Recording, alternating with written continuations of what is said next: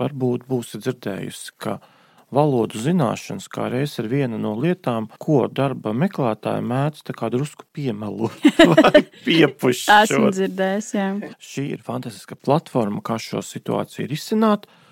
Un būsim godīgi arī, lai personāla daļas varbūt izvairītos no tādas vecmodīgas pieejas, ka nu, mēs jau parunāsim ar kandidātu, un, ja jau atbildēs, tad jau viss labi. Ja? Čau! Es esmu Vineta Bērziņa, un tu klausies podkāstu, kas palīdz atrast darbu.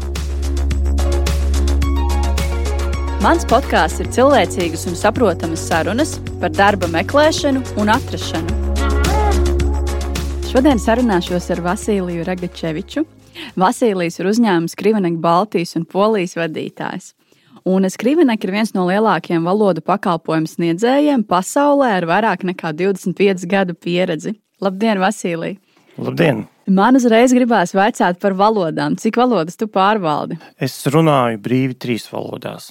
Protams, latviešu, dzimtā, krievu, kas man no skolā bija otrā, un angļu.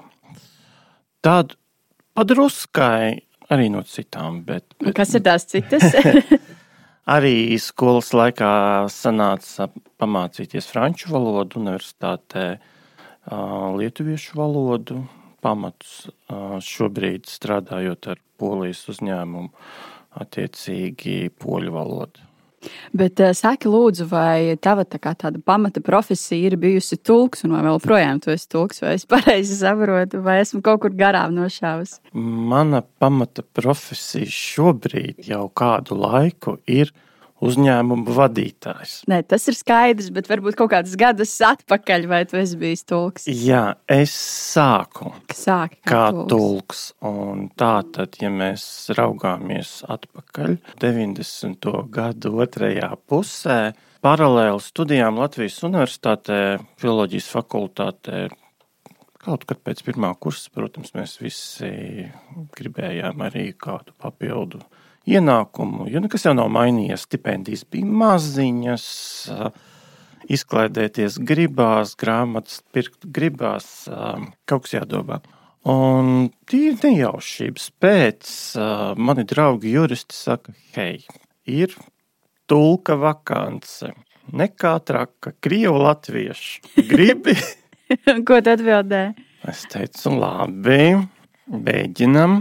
Nu, tā sākās mana tulka karjera. No sākuma, protams, bija grūti. Terminoloģija, kaut kādas nesaprotamas lietas, par kurām tu pirms tam neesi dzirdējis. Juridiskās nianses, jo, jo ir kaut kāds noteikts process, noteikta kārtība, kur, kur jau viss ir sīki un smalki jāpārzina un jāapgūst. Tad nāca klāt arī angļu valoda, un ir nācies tulkot arī dažādām slavenībām. Šat, Piemēram, kādām? Esmu palīdzējis pārvarēt valodas barjeru Rikijam Mārtiņam vai ārpus Latvijas robežām ir nācies strādāt arī ar Enrique Iglesias vai, vai ir arī Dženifera Lopesa manīta tūmā. Un kā, kā viņi atrod tevi vai, vai, vai tu viņus? Tie bija tie laiki, kad pie mums jūrmalā norisinājās jaunais vilnis faktiski Un Skrievnieks kā valodu uzņēmums arī bija šajos projektos iesaistīts. Bet nu, tas darbs ir milzīgi izaicinošs, jo faktiski tu kādas trīs diennaktus guli varbūt tās pa divām stundām. Es droši, droši vien šodien es to varbūt vairs neizturētu. Tas ir darbs, jā, 24, 7. Tā ir valoda, tā ir tulkošana, tā ir principā Tu esi sekretārs, tu esi tulks, tu esi, tu esi viss. Tu minēji arī jurisprudenci un tieslietas, vai es pareizi saprotu to, ka tulki mēdz arī specializēties kaut kādā konkrētā jomā, piemēram, IT, jurisprudence vai kaut kas cits, un mēdz um, būt tā tāda eksperta šajā lauciņā un tulkot. Jā, protams, to mēs arī mudinam, kad es dodos vieslekcijās pie studentiem. Tā ir lieta numur viens, ko es saku. Lūdzu, tagad sēžot skolas solā, saprotam, kas jums dzīvē patīk. kas jums interesē. Jo, jo, ja jūs darīsiet vai tulkosiet to, kas jums interesē, tad būs tas, ka jums nebūs jāstrādā. Ja jūs, jo jūs, jūs, jūs būsiet vidē, kas jūs aizrauga, kas jums sniedz zināšanas, kas rada prieku. Atgriežoties pie tavas karjeras, tu minēji, ka tu sāki kā tulks, un tagad esi uzņēmuma vadītājs. Kā tu no tulka nonāci līdz tam, ka tu vadi uzņēmumu? Kāds ir tas tavs karjeras stāsts? Varbūt? Viss dzīvē notiek tā, kā tam ir jānotiek.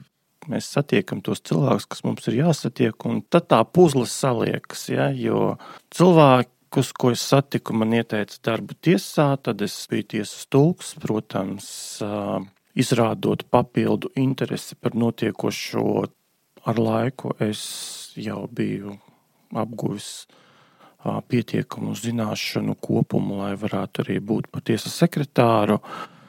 Pēc tam, pēc kāda laika, es jau izaugu par tiesas kancelēs vadītāju. Tas nozīmē, ka faktiski tāpat kā kurā uzņēmumā mums ir administratīvā nodaļa, kas organizē uzņēmumu pamatvajadzību noorganizēšanu. Tā ir arī tiesā, ir liels kolektīvs, ir, ir jā, tā, jāvada personāls, ir jā, jādomā par klientu apkalpošanu, klientu pieņemšanu, ir materiāla tehniskā bāze un vispārējais. Ja, tātad, tā jau varētu teikt, bija man, mana pirmā vadītāja pieredze. Un tad, kad es iestājos maģistrantūrā Latvijas Universitātē un paralēli es vēl studēju jurisprudences policijas akadēmijā. Un strādāju pilnu slodzi, un tad vienā brīdī man likās, nu, gan pat raku, bet viss ir izdarāms, ja māku pareizi sabīdīt prioritātes. Un pēc tiesas, kur tu nonāci? Oi, pēc tiesas es satiku Aigu Veckalni, kas bija mana kursa biedrene universitātē, un kur mēs ļoti sadraudzējāmies jau no pirmajām dienām. Un jau bija paspējis nodibināt uzņēmumu, un viņi saka, mums vajag attīstīties, mums ir vajadzīgi papildus spēki, ir jāvada, tā teikt, jāadministrē uz birojas. Jā, tā teikt, vajadzīgs biroja vadītājs. Un tā es teicu, jā, jo manī tajā brīdī jau bija gan ilgs laiks nostrādāts tiesā. Šeit bija svarīgs aspekts. Es strādāju pamatā ar krimināllietām. Un vienā brīdī e, bija tāds lūzuma punkts, jo tu faktiski strādā un tu neredz neko labu. Mm -hmm. Jo tie cilvēki, kas pie tevis nāk, tas ir, niet, tas ir vienalga, vai spriedums ir labs vai slikts. Kāda no pusēm atnāks un pateiks, ka tu esi sliktais, tu esi slikts, tu esi korumpēts. Un faktiski tas sāk radīt tādu zināmu psiholoģisku nastu, kāpēc es teicu, ka aiga, nu, mēģinam. Un pēc cik gadiem tu kļuvi par uzņēmumu vadītāju? Kādi pieci noteikti pagāja, augu es, auga aiga. Un, uh, viņa kļuva jau par starptautisku tīklu vadītāju, un es kļuvu par Latvijas vadītāju. Nu, tad pēc kāda laika man piedāvāja arī kļūt par polijas vadītāju. Nu, pagaidām es esmu mierā ar šo teritoriju, kas man Tad ir. Baltija un Polija. Jā, es vairāk nevēlos, jo tas ir šobrīd diezgan, diezgan daudz. Bet tev grib par šo poliju pajautāt, tā kā tev ir, tev ir pieredze. Ar ko varbūt atšķiras darba kultūra Latvijā un Polijā? Kādas tavuprāt ir tās galvenās iezīmes? Šeit varētu runāt bezgalīgi. um, Pirms es komentēšu vairāk, es gribu pateikt, ka es esmu arī Rīgas ekonomikas augstskolas absolvents. Ja, tā tad Zviedru ekonomikas augstskola, un manī ir šī Zviedru atvērtā uzņēmumu kultūra dzīvo manī. Es tā domāju, es tā jūtu. Man patīk šī, šī bezsubordinācija, dažbrīd un, un visas cilvēktiesības un citādas vērtības. Tas, tas viss man aizrauja. Un tad nu, ir Polija. Polijā uzņēmuma vadītājs ir Dievs. Labi. Tad, kad tu esi vadītājs, tu faktiski cilvēki nu, principā, ļoti daudz tā arī neko vairs nedara. Viņi, viņi pilda šo savu līdera funkciju, iziet pie tautas, dažbrīd apsveikt svētkos un, un tālāk. Tā ir, jo Polija ir ļoti subordinēta. Man prasīja divus gadus pieredzināt poļu kolēģus pie tā, lai viņi mani sāktu uztvert kā līdzvērtīgu. Jo es nepārtraukti viņiem teicu, vai ja mēs rīkojām kādas mācības, vēl kaut ko, es vienmēr biju kaut kādā grupā, es darīju visu kopā ar viņiem. Jo man bija vienkārši jārāda no nulles, ka es esmu arī viņi, un viņi ir es, un mēs esam viena komanda, un mums ir vienoti mērķi, un mēs strādājam visi mm, noteiktu vērtību vadīt.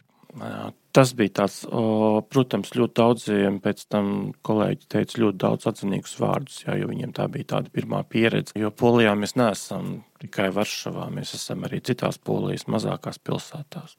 Kādas vēl iezīmes? Poļi, viņu galvenā vērtība, viena no vērtībām ir ģimene. Viņi ir ļoti ģimeniski cilvēki.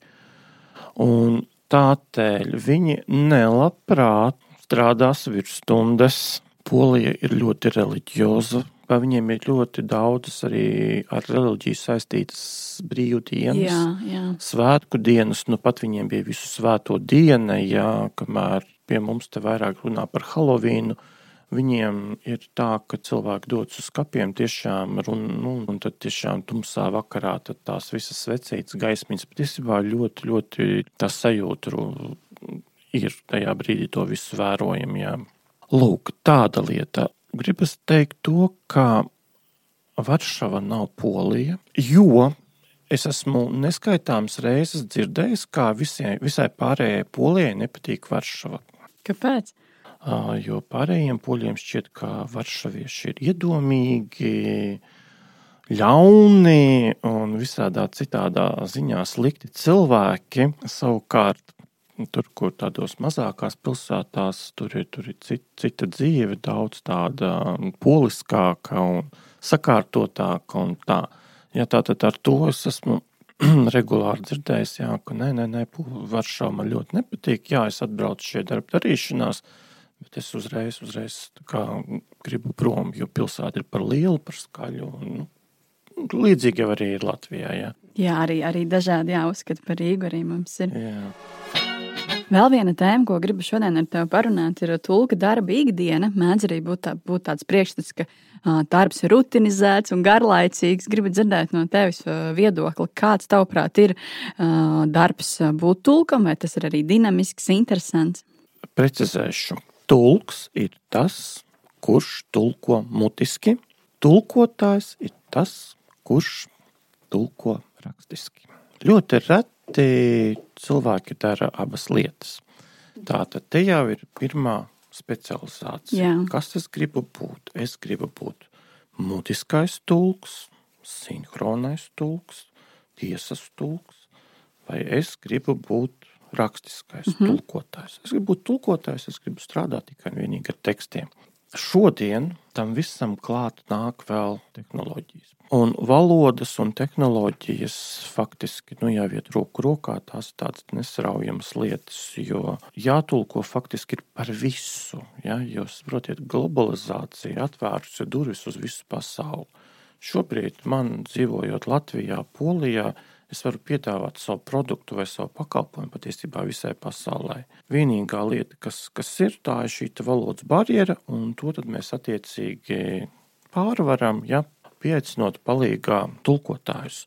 Un šī iezīme, ka saturs, kas tiek ražots dienā, es nezinu, stundā, un ir paredzēts lasītājiem visā pasaulē, ir milzīgs. Un tā tendence tikai viņš pieaug, pieaug, pieaug un pieaug. Līdz ar to arī jūsu darba pieprasījums pieaug. Uh, jā, un vajadzība pēc tulkošanas, pēc lokalizācijas, pēc adaptācijas tikai pieaug. Un šīs te tehnoloģijas, viņas patiesībā it kā utilizē šo rutīnas darbu un kaut kādā veidā kompensē to, ka mums tik šausmīgi daudz ir, ir, ir tā teksta, kas ir, kur ir jāapstrādā. Un tieši tāpat tās ir šobrīd arī ar inteliģentajām mašīnām. Ja. Nebūtu nebūs tā, ka viņas aizstās visus dzīvos cilvēkus, viņas tikai būs kā palīgi. Šī te tehnisko zināšanu kompetence, nu, prasme strādāt ar, ar, ar tehnoloģijām būs, būs ļoti svarīga. Un ir šobrīd jau diezgan ļoti svarīga. Un, un es teikšu tā, ka mēs patiesībā katru dienu mācāmies kaut kādus jaunus rīkus, testējam kaut ko tādu. Runājot par tehnoloģijām, varbūt Skrīvenek ir kāda platforma vai, vai, vai tehnoloģija, kas palīdz tieši strādāt. Jā, tā kā es minēju, ka valodas un tehnoloģija tehnoloģijas šobrīd iet roku rokā, tad mēs esam radījuši pašu savu tiešsaistes platformu valodas zināšanu līmeņu noteikšanai. Šobrīd šis produkts pamatā ir domāts kā personāla daļu vadītājiem uzņēmumos, kuros tiešām ir jāstrādā ar lielu, lielu apjomu, piemēram, iedomājamies lielu IT uzņēmumu, kur katru dienu vai katru mēnesi ir varbūt 100, 200 darba intervijas, ir jānovērtē kandidātu svešvalodu zināšanas. Un tas viss tiek darīts tiešsaistē, attālināti. Mm -hmm. Un mēs novērtējam tādā veidā visas četras valodu lietošanas kompetences. Faktiski mēs pārbaudām gramatiku, lasīšanu, rakstīšanu, klausīšanos, un tiksim, students vai potenciālais kandidāts saņem saiti. Sakojot saitē, viņš nonāk pie testa. Tests ir limitēts. Visas iespējas kaut ko iekopēt, kaut kur kaut ko, protams, par to ir padomāts. Jo šeit ir interesants fakts, kāpēc mēs vispār sākām domāt par šo, jo Varbūt būsiet dzirdējusi, ka valodu zināšanas kā reiz ir viena no lietām, ko darba meklētāji mēdz tā kā drusku piemelot. Esmu dzirdējis, jā. Šī ir fantastiska platforma, kā šo situāciju risināt. Un būsim godīgi arī, lai personāla daļas varbūt izvairītos no tādas vecmodīgas pieejas, ka nu, mēs jau parunāsim ar kandidātu, un, ja jau atbildēs, tad jau viss labi. Ja? tests aizņem nu, gan nu, pusotras stundas, pat, nu, līdz pat pusotrai stundai, divām. Tas ir atkarībā no zināšanu līmeņa, jo tās visas rakstāmās, klausāmās daļas arī prasa noteiktu laiku, un arī pēc tam tiek gatavots pārskats, kurā tiek norādīts esošais zināšanu līmenis, tiek sniegts skaidrojums, un arī biežākās kļūdas var būt pieminētas, arī, un arī lietas, kas ir uzlabojamas, kas mūsu klientiem ļoti patīk. Jā, ka viņi tas zina, ka aptuveni nu, ka viņam ir jāstrādā ar to vai ar to. Jā, man kā personāla speciālista izklausās lielisks rīks. Jautājums tāds, vai ir iespēja, piemēram, man, ja es gribu patestēt, uh, ieiet uh, tajā platformā un bez maksas notestēt. Ja jā, mēs labprāt ieliktu šo linku epizodes aprakstā, lai, piemēram, personāla vadības speciālisti var notestēt. Jā, šāda iespēja ir. Tad es nosūtīšu. Jā, sarunāts. Un tieši tā, un, tu, un tur ir iespēja kā, pieteikties demo versijai. Tur ir iespējas arī kā, izvēlēties pilno versiju, īso versiju, varbūt tikai šo te gramatikas testu pildīt un arī variēt starp šīm visām iespējām. Es labprāt pamēģinātu. Sarunāts. Man ir jautājums par tulku biznesu, kā tas darbojas attiecīgi. Vai viņi saņem algu tikai par padarīto, vai savukārt ir kaut kādas citas, citas šīs samaksas, cietās algas vai kaut kas tamlīdzīgs? Vai tas ir ļoti individuāli? Tas ir individuāli, jā. Ir vietas, kur, pieņemsim, tiesas, jā, tur, tur kad es tur strādāju, tā bija štata vieta. Budžetā bija paredzēta šādas štata vieta, un tad attiecīgi tā maksā to cieto algu. Protams, ir arī šie gabaldarbi, jo īpaši, ja mēs runājam par eksotiskākām valodām, ja, kur ir tāda nedrošības sajūta, vai tu spēsi katru mēnesi teiksim, nodrošināt kaut vai to minimālo, ja, to minimālo darba apjomu, tad, protams, nāk, nāk tālāk šie gabaldarbi, uzņēmuma līguma formas vai, vai kāds cits. Otra lieta, kā skrivenekā tulkošanas process ir diezgan strikts un klasisks vēl joprojām. Tas nozīmē, ka strādā pie projekta vairāki cilvēki. Un pirmā, pirmais posms tik un tā vienmēr būs projekta vadītājs, kurš tā kā sakārto dokumentu, analizē un, un saprot, ko no tā visa var izdarīt. Tad ir tulks, kas tiešām reāli tulko, tad ir korektori, dažkārt redaktori.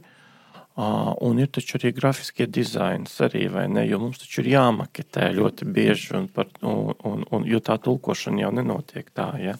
Dažbrīd man ir sajūta, ka cilvēki domā, nu, ka tas tā kā tādā kopētājā ieliec, un tur viss nāk, nāk ārā. Ja? Bet tā tas gluži nav. Ja? Tātad ir ļoti daudz vēl papildu lomu. Un cilvēku, kas strādā patiesībā mūsdienās pie tulkošanas projektiem, Nu, Reiz pat nemaz nezināju. Uh, vēl tāds jautājums, tu minēji, ka um, nu, nevienmēr visiem sanāk tur pilnas slodzes, tāpēc viņiem ir šie līguma darbi. Vai ir arī daudz tādu tulku, kuru šo darbu dara kā papildu darbu, ka viņiem varbūt pilna, nevis tā kā nu, pilna laika vai pamatdarbs ir kaut kas cits, un tulkošanas darbu viņi veic tā kā hobija tipa? Jā, ir ļoti daudz tādu cilvēku, un uh, tas ir ļoti labs papildu darbiņš studentiem Mēs vienmēr esam ļoti atvērti un, un ar prieku sadarbojamies, kaut vai brīvdienās pastrādāt. Ja? Un tas ir arī kā papildu darbiņš, kaut vai mutiski arī patulkot kādā eksotiskākā valodā arī, arī cilvēkiem, kuriem ir pamatdarbs. Ja? Nu, protams, ar valodām dažbrīd ir tā, ka visiem vienmēr liekas, ka viņi zina labāk. Nu, te nesen bija liela ņemšanās par Rīgas domas uh, komunikācija. Ak, Dievs, kādā krievu valodā, ak, Dievs, cik vizuāli viss kaut kas un tā tālāk. Tā ir tā blakne mūsu profesijai, jo, jo, jo, jo nu, man brīžiem šķiet, ka visi zina, kā labāk vadīt valsti, kā pareizi latviešu runāt un, un kā pareizi tulkot. Un nemaz neieklausoties, ko runā eksperti. Tā ir un, Latvijā. Un pēdējā laikā ekspertu viedoklis, man liekas, vispār ir nonivelēts līdz kaut kam, jo šobrīd visu, visu pieņem Twitteris. Vai cilvēki vienojas par to, kas ir pareizi, kas nav Twitterī, pat neļaujot runāt tiem, kuriem pirmkārt sākumā pat vajadzētu varbūt runāt un, un paskaidrot. Jā, tā kā, tā kā jā, ar to valodu, nu, tā ir. Cilvēkiem nu, vienmēr ir viedoklis. Jā, par valodas lietām cilvēkiem vienmēr ir viedokļi. Tā ir. Jā. Tu minēji arī šos studentus un jaunieši, jauniešus, vai skriveneki ir laba vieta jauniem cilvēkiem, kur tieši sākt karjeru? Jā, noteikti. Es tā gribu domāt, jo mēs esam izaudzinājuši daudz labus kadrus, kuri šobrīd strādā gan ārvalstīs, kuri ir sevi sagatavojuši darbam, piemēram, Vācijā vai strādā Skandināvijas valstīs. Jo ļoti bieži tas ir saistīts ar to, ka cilvēkos vai jauniešos viņos ir vēlme tvert vairāk, plašāk. Ja? Tad, kad tu esi uzsūcis sevi šo Latvijas vietējo pieredzi, tev, tev gribas vairāk, un, un, ja, un sevišķi šobrīd jauniešiem ir tās lieliskās un fantastiskās iespējas. Un es pats personīgi vienmēr esmu pat viņus arī tā kā stūmis ārā, kad es saprotu, ka šī iespēja ir. Es esmu gana slikts un ļauns, un es saku, tas ir jādara. Pat ja tu pēc tam nožēlosi, labāk nožēlot, bet izdarīt to nekā nožēlot neizdarīt to. Ja? Un ir bijuši arī gadījumi, kad cilvēki ir strādājuši birojā, viņi ir devušies kaut kur prom, tad ir atbraukuši atpakaļ, teikuši, klausies, vai mēs varam nākt atpakaļ. Un, un, un, un tā, nu. Bet, jebkurā gadījumā, mums ir arī tāds diezgan stabils kodols. Tie pamati ir tādi diezgan stipri, kas, kas to visu uzbūvēto tur Pastāstiet par Skriveneku, cik ir darbinieku šajā uzņēmumā, kā tas darbojas, kur darbojas. Sāksim ar to, ka Skrivnieki ir Čehijas uzņēmums. Jā. Šajā uzņēmuma grupā strādā teiktu, vairāk nekā 400-500 cilvēku. Daudz, jā. Ļoti daudzās Eiropas valstīs. Tātad Skrivnieks ir pārstāvēts ne tikai Latvijā, Baltijā, Polijā, bet arī, arī Vācija, Bulgārija, Slovākija, Čehija, Amerikas Savienotās valstis. Ja. Nu, jau 30 gadu gandrīz jau tirgu. Un tas, kas man man patīk, ir tieši tas, ka ir šī iespēja, miedarbība ar kolēģiem no citām valstīm. Un arī no tik ļoti dažādām valstīm, ja, jo vienmēr ir interesanti aprunāties, kas notiek Vācijā. Ja. Kā strādā Slovenijas skriveneks, jo, piemēram, nu, Latvija, Slovenija, ja mēs esam mazākas valstīņas, varbūt mums vairāk kas kopīgs. Ja. Uh, lielie apjomi Amerikā vai, vai kādas tādas lietas. Par darba intervijām runājot, bieži vien cilvēkiem ir valodas barjera, vai tā ir angļu vai krievu valoda. Ejot uz šīm intervijām, ir bailes un, un vēl viss kaut kas. Kas varbūt būtu tavs padoms darba meklētājiem? Kā pārvarēt šo valodas barjeru darba intervijās, darba vietās? Atbrīvoties no jebkādiem stereotipiem. Jo kāpēc rodas valodas barjera? Tāpēc, ka var būt kaut kāda skolā, skolotāju mūs publiski pazemoja un teica, tu neko nekad mūžā nevarēsi un nemācēsi. Ja tātad mūsos dzīvo šī negatīvā pieredze vai šīs negatīvās atmiņas, kas rada šo baili, šo stīvumu, nu, nu, faktiski mēs paralizējam savu ķermeni. Ja? Atbrīvoties, atbrīvoties no visām šīm lietām, skatāmies internetā, meklējam, stāvam uzvaras pozā, elpojam, izelpojam, elpošanas vingrinājums pirms tam. Klasika atkal nekā tāda jauna, bet atceramies, ka valodas funkcija ir komunikācija, doma apmaiņa, ja? un nav nozīmes. Vai mēs tur tajā brīdī runāsim gramatiski pareizi, kā no, es nezinu, Oksfordas kaut kādas tur gramatikas grāmatas, vai mēs runāsim tā, kā mēs protam, un nodosim to ziņu, ko mēs gribam. Man pašam ir nācies ceļojot, nezinu, Itālijā, runāt bez mazliet tikai rokām. Nu, cilvēks nerunā angliski, un es nerunāju itāliski, ne, nu kaut ko tur divus vārdus zinu. Un rezultāts ir bijis lielisks. E, bija priecīgs, teiksim, nezinu, kafejnīcas īpašnieks un laimīgs es. Ja. Tas pats attiecās arī uz korporatīvo vidi, un to es arī aicinātu nekritizēt, atbalstīt un aicināt runāt, un varbūt tās arī padalīties ar kādiem saviem pieredzes stāstiem, kad ir nācies kaut ko pateikt, nu, nezinu, vai uzrakstīt kaut ko smieklīgu. Es nezinu, tur pieņemsim, gribēju uzrakstīt. Es esmu dēls, uzrakstīju, es esmu saule, nu, saulīt. Mm -hmm. ja, vai vēl kaut ko, ja, nu, Par kā... komplimentiem varbūt arī padalīties. Ja kāds mēģina runāt, viņam sanāk labi, tad neslēpt un pateikt, re, kur tev sanāk labi. Ja ir labi, viss ir kārtībā. Tieši tā. Jo šeit atkal man brīžiem liekas, ka mums patīk pārāk daudz kritizēt. Ja, tur ak, šausmas, viņam ir tik slikta krievu valoda. Un tā ir atkal viena no lietām, ka Latvijā cilvēkiem šķiet, ka viņi to krievu valodu zina ļoti labi. Tā vairs nav. Mēs jau cik 20, 30 gadus jau dzīvojam citā krievu valodā. Krievijā krievu valoda dzīvo un attīstās savu ceļu. Cilvēkiem reizēm vajag šo te, nu, iemācīties paškritiku, jā, un tāpēc ir jāatbalsta un jāiedrošina. Nav citu veidu, kā, kā pārvarēt. Nu, runāt spoguļu priekšā. ja nu ir svarīga prezentācija vai kaut kas tāds, nu, tad, protams, runāt spoguļu priekšā. Man pašam ir nācies runāt uz lielās skatuves. Nu, ticiet man, tas spogulis aizmirsās vienā brīdī.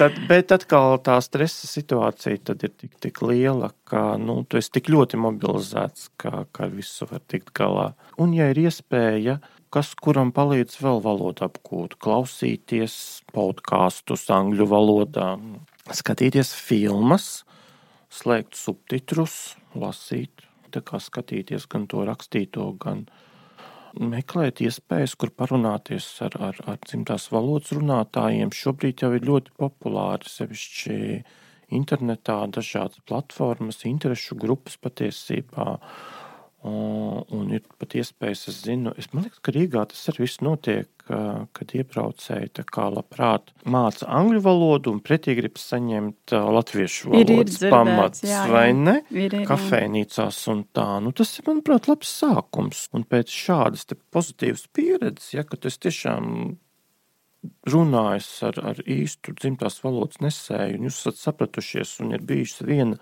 otra, trešā reize. Tas ir tāds labs sākums, kā, kā sevi atvērt šeit. Valodai. Vasilija, tu esi pirmais podkāstā, pirmā reize, kad runāji par un ap tulkošanu. Man personīgi bija interesanti uzzināt vairāk, kāda ir tā darba ikdiena un kā tas vispār notiek, un dzirdēt arī tavu stāstu. Paldies, ka atnāci un dalījies. Paldies par iespēju. Jā, ceru, ka bija interesanti. Noteikti bija interesanti. Paldies! Atā. Atā. Tu noklausījies podkāstu pirms darba. Lai nepalaistu garām nākamās nedēļas epizodi, seko maniem ierakstiem LinkedIn un Facebook. Abonēt jaunās epizodes un noklausīties iepriekšējo sezonu intervijas var visās podkāstu platformās un YouTube. Ja esi pozitīvs un vēlies atbalstīt manu darbu, raksti komentārus un pārsūti manus ierakstus savam draugu pulkam. Uz tikšanos podkāstā pirms darba!